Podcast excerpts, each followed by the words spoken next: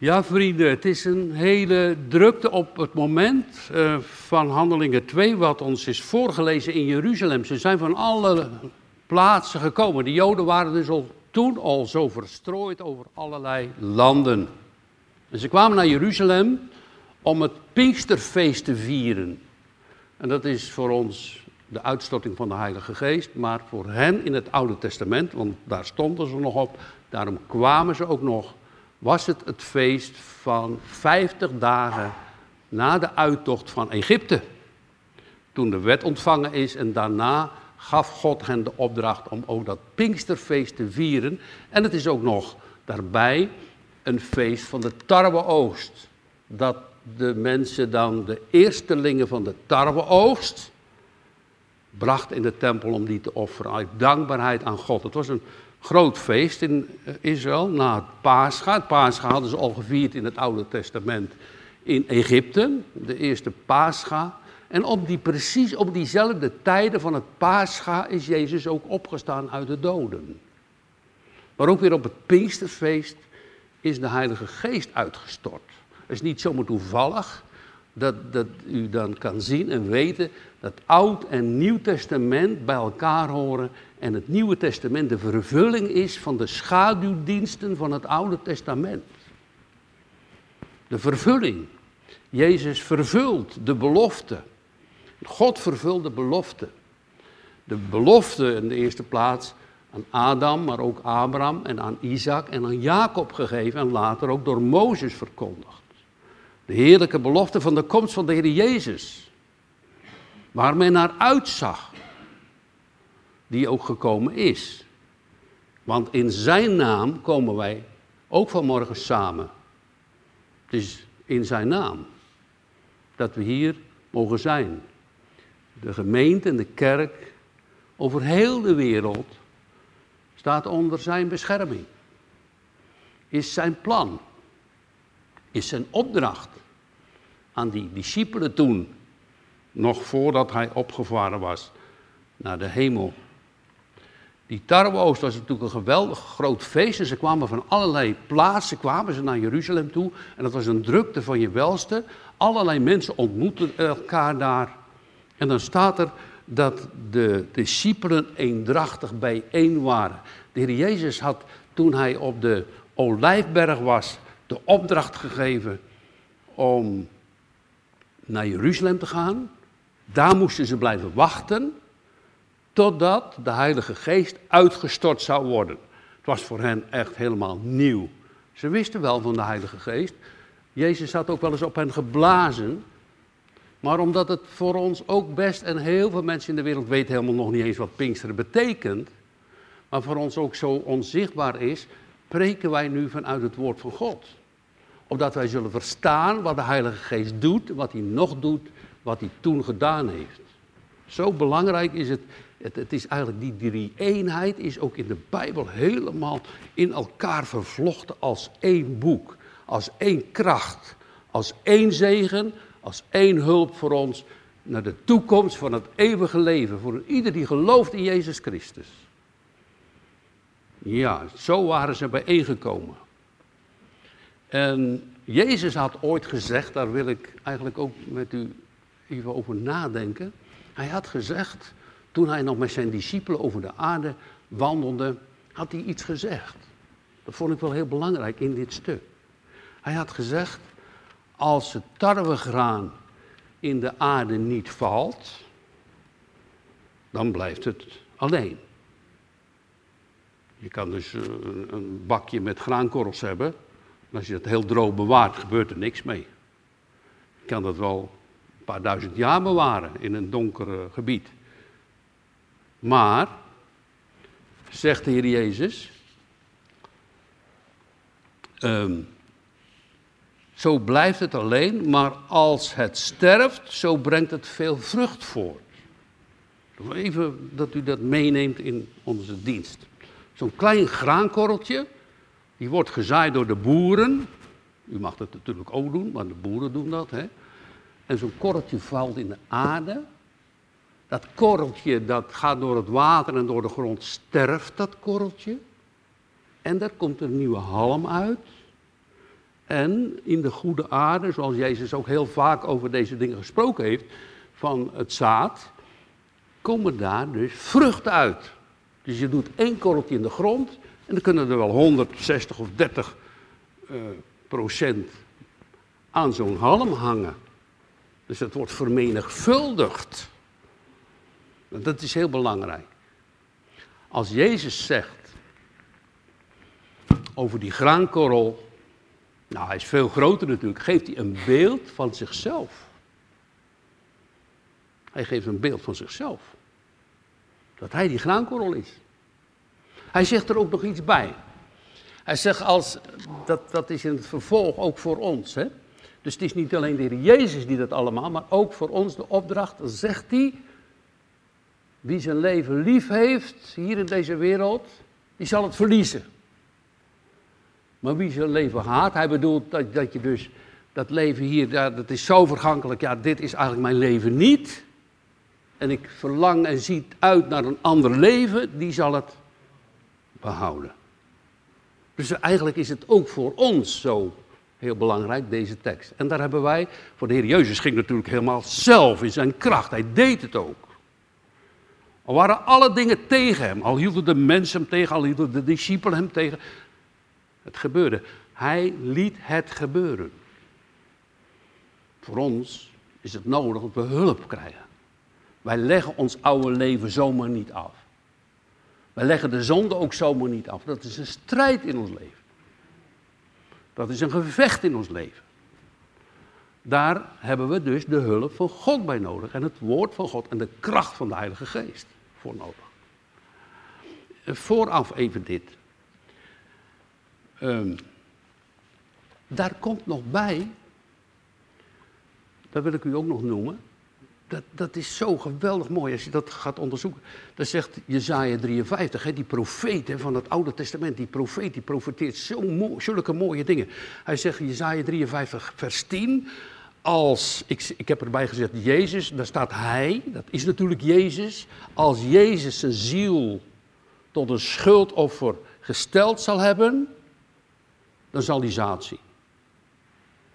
Dus zodra Jezus sterft, als die graankorrel, vanuit zijn dood en vanuit zijn kracht komt er dus dat nieuwe leven. Er komen dus mensen tot het geloof. Dat bedoelt hij. Zal hij zaad zien? Dat worden dus vanuit de wereld van al die mensen die onder de vloek leven, die onder de ja, natuurlijke mensen zijn, die worden wederom geboren, omdat hij daar aan het kruis hing.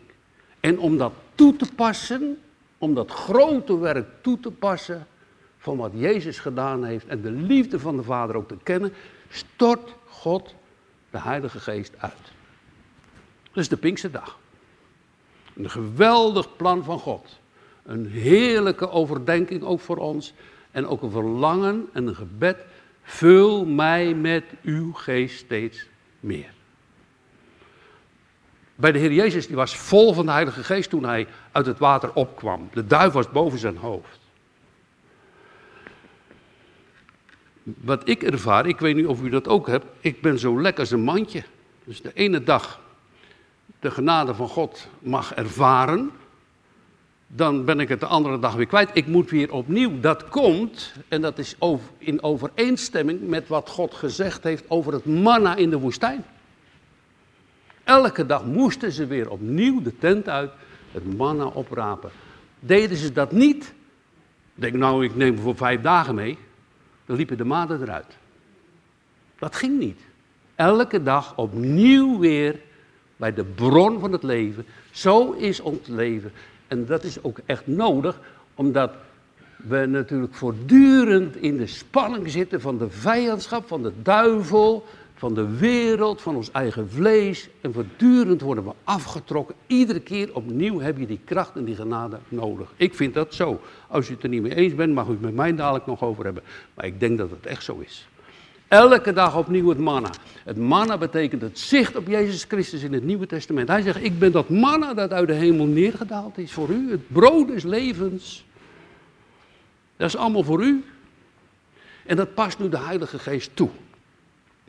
Ze waren in de opdracht van Jezus in Jeruzalem gebleven. En dan waren ze biddend en vastend. Blijven zijn ze met 120 mensen in zo'n huis daar in Jeruzalem. Hebben ze God aangeroepen en gebeden. En, en, en ja, je, zou daar ook wel, denk ik, uh, ik, ik geloof Psalm 133 bij, zullen ze dat waarschijnlijk wel bij hebben gezongen of overdacht. Van, van die broederlijke liefde, van die zalfolie van Aaron, van het Jeruzalem. Van elkaar te ontmoeten, van elkaar lief te hebben. Nou, uh, doet u dat alstublieft ook. Oefen dat. Dat je elkaar lief hebt. Er is zoveel haat in de wereld. Er komt ook wel eens, of misschien heel vaak, haat in je eigen hart omboog. Bij u niet soms? En dan moet je zeggen, gaat weg. Geef me de genade en de hulp van God. Ze hadden elkaar dus lief. Ze waren eendrachtig, ze waren het allemaal met elkaar eens en ze riepen God aan. Allemaal met elkaar eens, ja, maar ze waren wel allemaal verschillend. Je had daar een hele op uh, pittige Petrus en een misschien wat rustigere Johannes. En allerlei hadden, allemaal hadden ze andere karakters. En ze waren toch één. Dat is een gave van God. De heer Jezus had ze daar gesteld. Ga daar naartoe. En, en, en, maar voor, daarvoor hadden ze al zo'n geweldige opdracht. Bij zijn hemelvaart staat ook in het einde van de evangelie. Dat ze dus uh, onderwijs alle volken predik het evangelie aan alle creaturen. Maar Lucas zegt ook, jullie moeten beginnen in Jeruzalem. Nou, dat, dat gebeurt ook. Ze zijn begonnen in Jeruzalem. En als ze daar dan zijn, in dat huis, terwijl de Heer Jezus opgevaren is naar de hemel, en ze toch, ja, je moet dan toch maar zoveel van je meester zijn gaan houden. Zo is het toch gebeurd? Niet automatisch, maar ze zijn van hem meer en meer gaan houden. Wat een geweldige situatie. Drie jaar met hem omgewandeld. En, en toen daar aan het kruis zijn ze allemaal weggevlucht. En, en eentje had hem nog verlogend. En Jezus was hen toch weer op komen zoeken. En, en, en was bij hen. En ondersteunde hen. En nam hen mee. Het waren zijn kinderen. Hij had voor hen betaald. Hij bracht ze uh, op plaatsen. En, en, en, en hij ontmoette ze ook. En, en dan gaf ze zegeningen, hij blies soms op hen, maar gaf ze ook opdrachten. En die opdrachten, die, uh, die waren dat ze het evangelie door moesten geven. Dus, dus dat is zo geweldig. Als de Heer Jezus opgevaren is naar de hemel, de grootste prediker die ooit geweest is, Jezus, dan heeft hij, heeft hij gezegd, jullie zullen grotere dingen doen dan deze. Staat in het boek uh, Johannes 14 grotere dingen. Er zullen dus meer mensen door jullie bekeerd worden dan bij mij. Nou, het moet voor de Heer Jezus wel huilen geweest zijn, toch? Toen hij door Jeruzalem liep, zijn broeders en, en, en al die mensen zag en, en, en, en ze wilden hem niet erkennen. Ze hebben hem verworpen. In die situatie moet u ook die eendrachtigheid van die discipelen, van die 120 mensen, vrouwen waren er ook bij, moet u ook zien dat die vijandschap daar was. Hoe zou ooit die gemeente van Christus kunnen ontstaan tegenover zo'n grote vijandschap? Nou, een onwedergeboren mens, die moet maar niet hoog spreken van zichzelf, want die vijandschap kan zo ook in zijn hart komen als die geregeerd wordt door de duivel en hij is een groot beest. Ik geloof het echt. Hij is dan een groot beest. Maar gelukkig als God je vasthoudt, als hij je gaat besturen, als je gaat leven uit zijn kracht. Dus, dus, dus ze zaten daar bijeen en die machten waren rondom hen. Wat zou er nu van terechtkomen? Van, van, van Gods werk. Ja, dat, dat, dat, dat red je toch niet als mens. En, en dan eigenlijk zo bang als een blad aan een boom, dan heb je toch hulp nodig. Nou, dat gebeurde. De hulp van God, van de Heilige Geest, die afdaalde. Zo staat het dan in boekhandelingen. Plotseling, hè. Het Pinksterfeest was vervuld, dus al die mensen zijn daar om die tarweoogst en om te gedenken van de uittocht van Egypte 50 dagen daarna en de wetgeving. En terwijl al die mensen daar dan zijn, laat God, zijn geest, die stuurt zijn God, de belofte, die ga je van de Vader ontvangen. Heb ik van jullie verteld, zegt Jezus, kom de Heilige Geest naar beneden. Dat is een kracht. Dat is ook de scheppende geest. En die heeft het voor het zeggen. U niet en ik niet, maar de geest van God wel. Die heeft het echt voor het zeggen. We kunnen weerstand bieden tot en tot en met. We kunnen een grootste vijand zijn van de wereld, maar als de Heilige Geest komt en die raakt ons aan, dan vallen we net als Paulus. Wie zijt gij, heren? Zo zal het gaan. Dus te wensen dat het nog meer en meer gebeurt. Is te wensen dat Gods grootheid en macht gezien wordt in mensen die juist eigenlijk van zichzelf grote tegenstanders zijn van dat heilwerk van Jezus Christus. Ze nemen het niet zomaar aan, hè, dat Jezus voor hen gestorven is. De mensen willen dat allemaal zo graag zelf doen. En zelf de hemel, net als zo'n trapje opklimmen. Ja, je komt niet hoog. Je stort weer naar beneden. Gelukkig als je het ziet dat je zegt, Heer, ik kom nooit in de hemel hoor. Help me er alsjeblieft bij. Toch? Nou, dat is de goede herder. Dat is de Heilige Geest die ons laat zien en helpt en leert. En het vertrouwen geeft, dit is de goede weg. En dan heb je soms, heb je dat ook, dat je dan zo verdrietig kan worden, dat je soms van die weg weer afgaat een beetje of die kan. Moet je weer teruggeroepen worden. Om die kracht en die vernieuwing van God weer te ervaren. Wat een koning, wat een God, wat een drie-enige God. Wat, wat zijn ze het ook allemaal zo eens? Het is totaal geen tegenspreken van elkaar. Het is een vervulling van elkaar. Plotseling komt er uit de hemel een geluid, een, een, een echo, heb ik ooit, ooit wel eens gezegd. Een echo uit de hemel, een geluid als van een wind. Ja, het stormde niet, maar het was wel dat geluid. En, en, en, en dat geluid, hè, dus ik weet niet, als je wel eens, mensen zijn wel eens bij zo'n echoput of dat het zo klinkt, dan hoor je dat geluid weer terugkomen. En God wil dat het geluid en die kracht weer terugkomt vanuit de mensen. En dat gebeurde. Terwijl de Heilige Geest afdaalt, in die mensen die daar biddend waren, is daar ook in hen de echo. Want dat werd ook gezien, ook nog. Ze kregen vlammetjes vuur boven hun hoofd. Ze waren plotseling helemaal bezet, vervuld. Niet dronken van wijn, maar wel vervuld van de Heilige Geest. Ze hebben de kracht van God ervaren. Nou hebben wij geleerd vanuit de schrift dat de Heer Jezus dit gezegd heeft over de Heilige Geest. Dat blijkt ook wel als je dat hele hoofdstuk doorleest. De Heer Jezus heeft gezegd, die zal het uit het mijne nemen, de Heilige Geest, uit de Vader natuurlijk. En die zal mij verheerlijken. En voor mensen zijn dus bezig om de Heilige Geest te verheerlijken. Ik zal niet zeggen dat het niet een. Het is, de drie-enige God. Maar de, maar, maar de vervulling van de Heilige Geest geeft de verheerlijking van Jezus. In de eerste plaats. Dat zien we terug in de geschiedenis. Want het gaat ook steeds over Jezus. Ze gaan dus vertellen over de grote werken van God. Wat hij gedaan heeft. Wat een koning. En ehm, dat er dus, als die in dat huis, uh, en van hen werden gezien verdeelde tong als van vuur, en dat zat op het ieder van hen, en, en, en de, de, de reactie van hen was, en dat is heel bijzonder, ze waren plotseling helemaal niet meer bang van al die tegenstand die ik er net noemde, van al die machten die tegenover hen staan. Ze waren een soort weggekropen met die 120 in een huis. Ja, misschien de deur op slot en plotseling dat, dat geluid. En, en, en boem, de deuren gaan open, de mensen gaan naar buiten, ze gaan spreken in tongen. Allerlei talen komen uit hun mond. Terwijl door de zonde bij de torenbouw van Babel de mensen zo in verwarring zijn geraakt met de taal en dat waren eenvoudige vissers. Zij hebben niet gezegd, nou dat, dat, hebben dat kunnen we. Kijk, kijk wat wij nu kunnen. Hè? Nee, het waren de Galileërs, dat werd natuurlijk dadelijk ook genoemd. Maar als je een andere taal wil leren.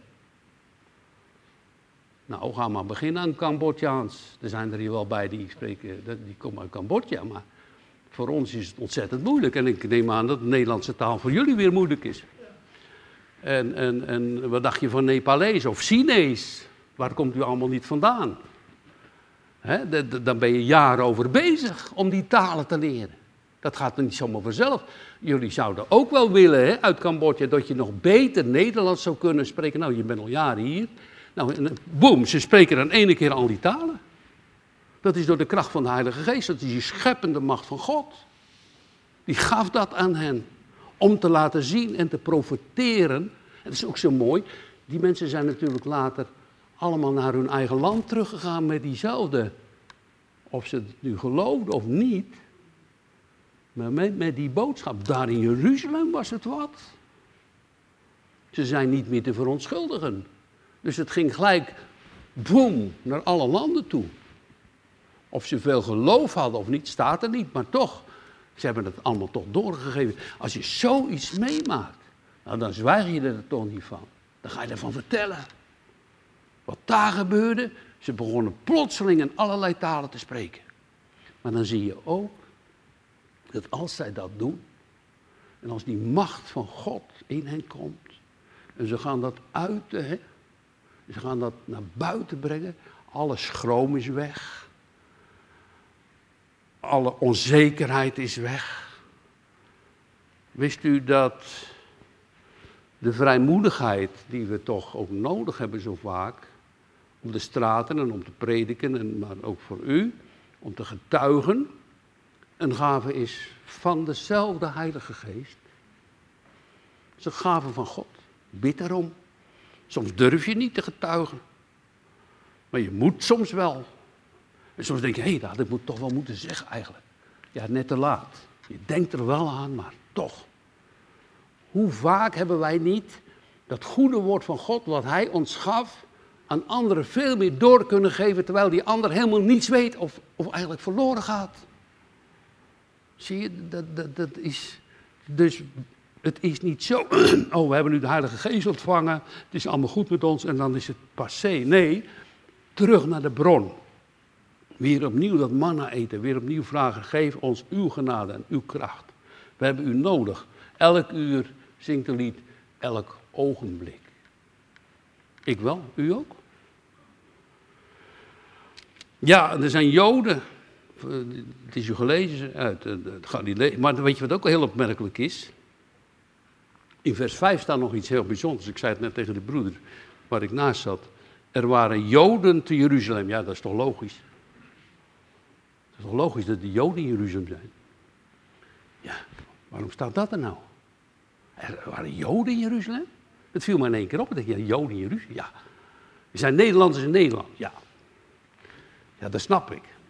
Er waren Joden, waarom staat dat daar? Wat, wat wordt daarmee bedoeld? Joden betekent, zijn godlovers. Die waren erop uit om God te loven. Het waren niet zomaar goddeloze mensen, die natuurlijk ook in Israël had, maar er waren godlovers. Dat is de bedoeling hiervan. Dat staat er. En, en dat ze dus nog heel veel moesten leren dat Jezus gestorven was. Zoals dat staat van Cornelius, een godvrezende man, die hoofdman hè, over honderd in Joppe, godvrezende man. Maar de Heer Jezus en zijn werk, hoe dat nou allemaal in elkaar zat, wist hij niet. Petrus moest het hem gaan vertellen. Zo, zo lees ik dit ook. Er waren Joden in Jeruzalem. In Jood betekent, betekent godlover. Nou, dat wordt bedoeld. Die waren er.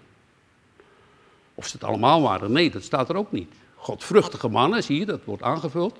Van alle volken, degenen die onder de hemel zijn van het Oude Testament in de verwachting. Ja. En als die kwam de menigte samen. Ze hebben dus al die mensen die stromen samen en die 120 die gaan in al die talen. Ja, dus een groep paters, medes, Azië, Cappadocië, Egypte. Plotseling al die talen van de toenmalige wereld. Ja. Ze gaan dat spreken, ze gaan dat uit. En zij ontzetten zich allen en verwonderen zich, zeggende, ziet, zijn deze niet die daar spreken Galileërs? Dat zijn toch mensen die zijn ongeletterd. Die hebben nog niet eens een school gehad.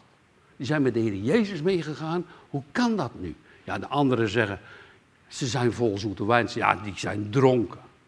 Dat hebben anderen gezegd. Maar sommigen hebben gezegd, ja, nou, ik begrijp hier niks van. Hoe kan dat nu? En, en, en dat kan u juist, en dat moet u voor uzelf ook weten, waar het onmogelijk is voor de mensen, is het mogelijk bij God. Als u de schriften kent, weet u dat, dat waar het staat. Wat onmogelijk is bij de mensen, is mogelijk bij God. En daar moeten wij het wel van hebben. Want onze gedachten zijn niet Gods gedachten. En onze plannen, hoe wij het willen, zijn niet Gods plannen. God is vaak, dat kan je zien aan de discipelen, een weg gegaan, een onbegrepen, voor de mensen een onmogelijke weg. Maar God die is een God van wonderen. En die koning, die mens zonder zonde, Jezus Christus, de Zoon van God, is zo'n geweldige koning en een goede herder. Nou, het is onuitsprekelijk hoe groot hij is. Die hebben een plan van God de Vader gekregen. Dat volgt hij helemaal op. Daar snappen we gewoon helemaal niets van. Hoe kan dat nou? Dat je zo die weg van die afgang, uit je hoge hemel komt, die weg van die afgang, helemaal tot in de diepte, diepte, tot in de hel vernedert, dan opstaan uit de doden en op die manier de overwinning maakt. Tegen alle ratio in, tegen alle natuur in. En als God u de Heilige Geest geeft, dan ga je op al die dingen amen zeggen. Dan ga je zeggen, amen. Dat is uw wonderlijke kracht. Sommige dingen snap ik niet, maar ik zeg toch amen. Want het is uw woord, het is uw kracht, het is uw plan. Dat ga je doen door de Heilige Geest. Weet, weet u wat er ook staat in de Bijbel? Luistert u even heel goed nu. Niemand, ook wij niet, kan zeggen Jezus de Heer te zijn. Dus dat hij de Curios is. Dat hij ook voor mij gestorven is. Dan door de Heilige Geest. Niemand kan zeggen Jezus de Heer te zijn dan door de werking van de Heilige Geest. Dus de Heilige Geest is onmisbaar. Hij is de scheppende kracht. Hij wil God groot maken. Zoals Jezus de Vader groot gemaakt heeft voortdurend in zijn woorden, met zijn werken, in zijn gehoorzaamheid, met zijn liefde, met zijn trouw, met zijn aanbidding. En hij wil ons daarin meenemen. En daarom heeft hij gezegd tegen zijn discipelen: Ik laat jullie geen wezen. Jullie blijven niet zomaar stilletjes achter. Maar ik geef in mijn plaats de Heilige Geest. Is niet minder. Ze hebben zoveel dingen mogen zien. God heeft hun dus, die discipelen en nog steeds andere predikers en mensen, ingeschakeld in zijn dienst om het evangelie over heel de wereld door te verkondigen. En als we dan hier dit hoofdstuk gaan lezen met elkaar, dan, dan zien we en dan merken we op dat, uh, dat, dat er 3000 bekeerd worden. Door de prediking van Petrus, terwijl hij zegt, jullie hij was eerlijk, hebben de koning, de, de, de heren der schriften gekruisigd. Ze schrikken. Het woord was met kracht in hun hart. Hebben wij dat gedaan? Heb ik dat gedaan? Heb ik Jezus ook gekruisigd met mijn zonde, met mijn verderf? Ze slaan op hun borsten. En Petrus zegt, bekeert u. En geloof het evangelie. En, en dat gebeurde. En, en 3000 komen op die dag tot geloven. Nou, dat hadden ze nooit gedacht. En dan zie je plotseling wel een kracht van de Heilige Geest. Nou, die deuren waren eens zo dicht, hè. Ze waren zo in elkaar, uh, angstig. Ze gaan dus op het bevel en door de kracht van die echo prediken. En God gaat zo grote wonderen doen. Dat de 3000 op één dag, en, en ik noem het nog maar eerstelingen hoor, want dat was het feest van de eerstelingen. Want het is maar doorgegaan, hè? Nog steeds. Door de kracht van Gods geest en zijn woord. Dat, dat moet je niet uit elkaar trekken. Woord en geest gaan samen. Woord en geest samen, door de kracht van Gods geest en voor zijn, gaat nog steeds het evangelie open, worden harten geopend, komen mensen tot het geloof. Verschrikkelijk als je het gehoord hebt, het blijft maar langs je heen gaan en je verhardt je hart. Het is het allerbeste wat er te krijgen is. Jezus zegt, wie zijn leven zou willen behouden, zal het verliezen. Ik heb net ook al gezegd, wat, betekent dat? Hij zegt er ook bij, waarom weegt gij lieden uh, geld uit voor hetgeen niet verzadigen kan? Ik heb het met Anneke nog over gehad.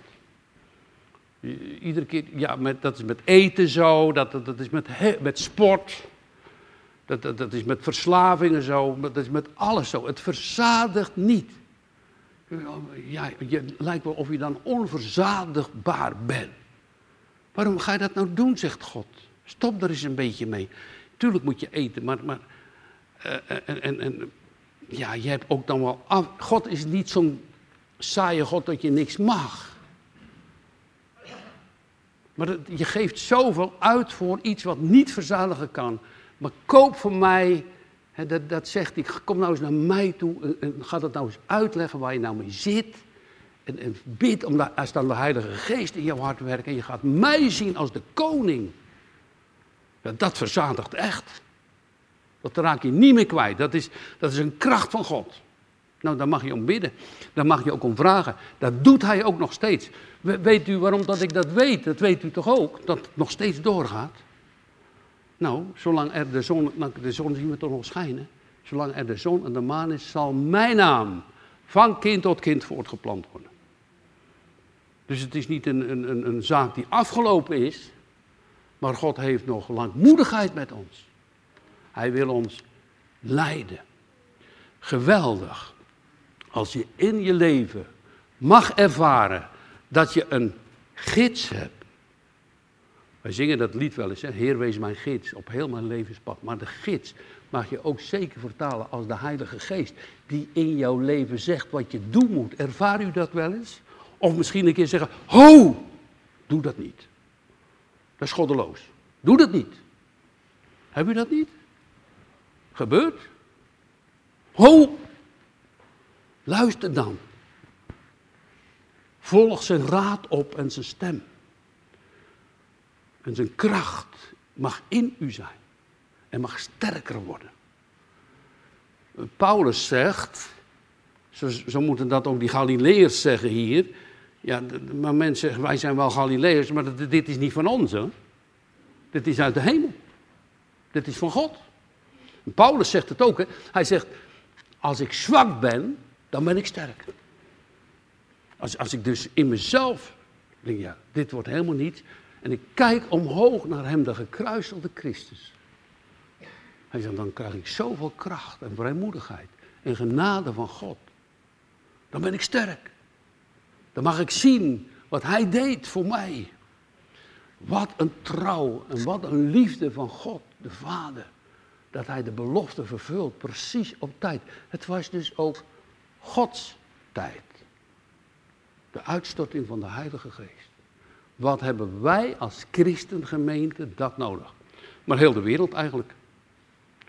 De Heilige Geest is niet uitgestort alleen maar voor christenmensen. Nee, de Heilige Geest, zo staat het, is uitgestort op alle vlees. Is voor iedereen beschikbaar. Maar dat de mensen daar langs heen gaan, dat niet zien en niet op Jezus willen letten. En alleen maar het hier en nu ja, dat betekent eigenlijk ook onze verloren staat als we daarin blijven. Maar dat we dus nu door genade onze ogen worden geopend. Jezus gaan zien. Hem mogen verheerlijken. Dan ga je loven. Dan ga je het zien. Dan ga je het weer zeggen. Ja, die graankorrel, Jezus is gestorven. Hij is opgestaan, dat wel, zeker. Maar ook door zijn sterven zijn er zoveel nakomelingen. Eerst de eerstelingen op de Pinksterdag en ontelbare mensen over heel de wereld zijn tot geloof gekomen. Worden door Romeinen 8 genoemd. Dat wij door diezelfde Heilige Geest mogen zeggen: Abba, lieve Vader. Wat een koning, wat een genade. Wat is het geweldig. Dus het is niet zo dat Pinksteren, het kan wel eens zo lijken, hè, er zomaar bij hangt. Maar dat is de vervulling van de eenheid van God. Waardoor hij ook zorgt dat het woord van God over heel de wereld steeds maar weer verder gaat. Wat moeten wij preken? Wat moeten wij zeggen als christen ook? Zonder zijn genade en zonder de woorden van de Heilige Geest. Het is gewoon nutteloos. Het breekt af en het heeft geen zin. Maar met de kracht van de Heilige Geest zal God wonderen geven. weet je wat ook zo mooi is? Je hoeft dan ook niet meer ongerust te zijn. Want ja, dat ben je natuurlijk vaak wel. Je hebt ook vaak pijn verdriet en allerlei dingen die gebeuren. Tuurlijk. Uh, ik, ik, laat niet merken, maar er komt op een prediker ook heel veel af voor, moet u niet denken. Maar we zullen in Gods naam overwinnen. Wij moeten over al die problemen opletten. Heer Jezus, wat wil u? O Heilige Geest, stuur mij, wees mijn gids. Dat is voor de kinderclub zo, dat is zonder dat is voor alle werk zo in de dienst van God. Alle kanten kan je dus aangevallen worden. Nou, daar moet je niet te kinderachtig over zijn, want dan maken wij nog niks mee. Want Paulus heeft heel veel opgeschreven in het boek Handelingen. Als zij geleid wordt door de Heilige Geest, hoeveel aanvallen er steeds kwamen, werden mensen afgetrokken. Bij de dienst weg, van God weg.